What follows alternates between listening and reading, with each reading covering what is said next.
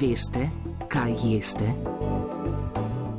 Kosti in koža sta glavna vira želatine. Postopek pridobivanja točneje opisuje inženirka živilske tehnologije Petra Mole.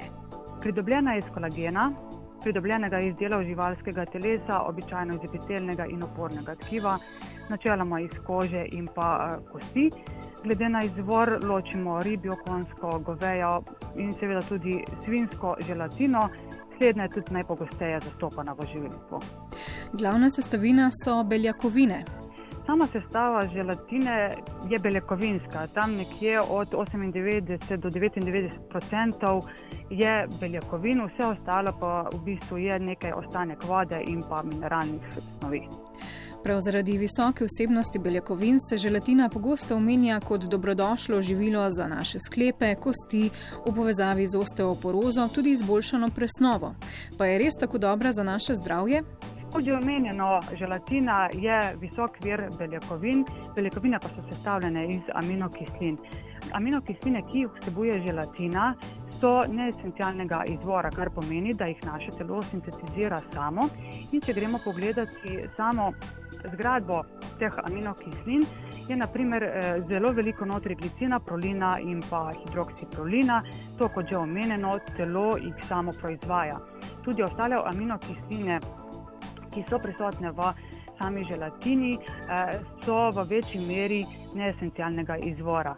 In če pa pogledamo tako, kako je za biološko vrednostjo, koliko dejansko naše telo absorbira te beljakovine, ki jih mi zaužijemo, samo želatino, je tega na 100 gramov zgolj en gram beljakovin, ki jih dobimo samo želatino. In to je zelo zanemrljivo in nekako kot živilska tehnologija tukaj ne vidim nekega velikega oziroma pretiranega smisla, da bi posledično zaradi različnih eh, prehranskih nasvetov želatino eh, uživali posamezno, ločeno v primerjavi z nekimi drugimi beljakovinskimi živili. Na njo sicer v že pripravljenih jedeh ni težko naleteti.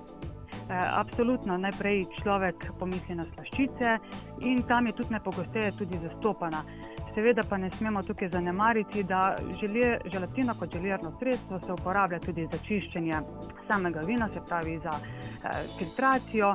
Potem jo srečamo tudi v mesnih in pa mlečnih izdelkih, kot so naprimer pasterizirane mesnine, jogurtih, eh, sadnih skutah in tudi sladoledu. Želatina je brez posebnega vonja in okusa, prosojna ter brezbarna do rahlo rumenkasta.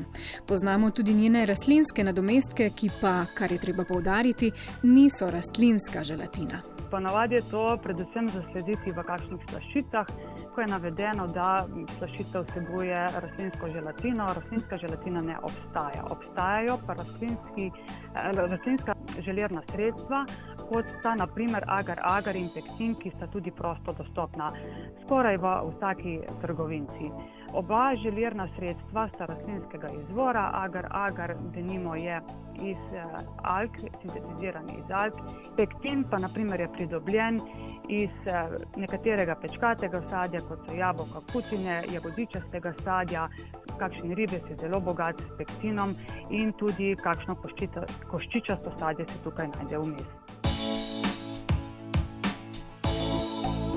Veste, kaj jeste? Zdaj pa v kuhinjo želatino bomo umešali v sladko kremo. Tam je potrebna za zgoščevanje in stabilizacijo, saj nekatere kreme ne prenesejo visokih temperatur, ki so potrebne za njihovo pripravo. To je pravi postopek, razlaga Petra Mole. Se pravi, mi na trgovskih policah dobimo tri oblike želatine, tako kot že omenjeno v lističih, v granulah, oziroma kar veliko krat je domače tudi rečemo, da je ta v prahu, ampak v prahu sta v bistvu v dveh oblikah, tako da eno pojmenujemo potem, da je v obliki nekih granul, ta druga pa v prahu prahu. V lističih in v granulah potrebujete predhodno pripravo, kar pomeni, da je moramo predhodno namočiti v zelo hladni vodi, v prahu pa v bistvu jo uporabljamo direktno, eh, z direktnim vmešavanjem v samo kremo. Pa mogoče, če se vrnem nazaj k tej želatini, ki jo moramo predhodno namočiti v hladni vodi, namen tega namakanja je, da jo nekako aktiviramo, da dobimo tako želatinasto strukturo. Seveda, absolutno to ni dovolj, je potrebno tako želatino potem tudi stopiti. Kako jo stopimo, običajno kar v mikrovalovni pečici za par sekund, lahko pa tudi nad vodno kapeljo. Sama temperatura te želatine ne sme biti previsoka, kajti kaj hitro lahko pridemo do tega, da nam kasneje v sami kremi želatina ne bo delovala. No, in potem, ko imamo enkrat želatino stopljeno, jo umešamo v nekako mlačno kremo. Eh, v primeru pa, naprimer, da se mikrovalovne pečice ali pa vodne kopeli ne bi posluževali za topljenje same namočene želatine, pa seveda lahko tako želatino umešamo tudi v vročo kremo, ki je nekako segreta na temperaturo od 60 do 80 stopinj Celzija. In enakomerno pomešamo to želatino v samo kremo. Sogovornica opozarja še na eno napako. Ja, mogoče je tudi vzrok ta, da želatino, ko jo enkrat raztopimo, dodamo v prehladno kremo in nekako pravimo, da pride želatina v nek krč, se oblikuje v neko trdo gmoto in se posledično zaradi tega ne razporedi enakomerno po sami kremi. Potem pa, ko se krema strdi, kolikor se pač strdi, eh, lahko v sami kremi začutimo trde, strjene dele same te želatine, ki nam je prehitro zakrknila. Želatina je lahko sicer tudi del doma pripravljenih jedi iz mesa. Kot naprimer kakšna tlačenka ali pa e, žolca ali pa astik. Tako da tam se lahko želatino dodaja notri, e, absolutno je potrebno tudi upoštevati neke temperaturne režime.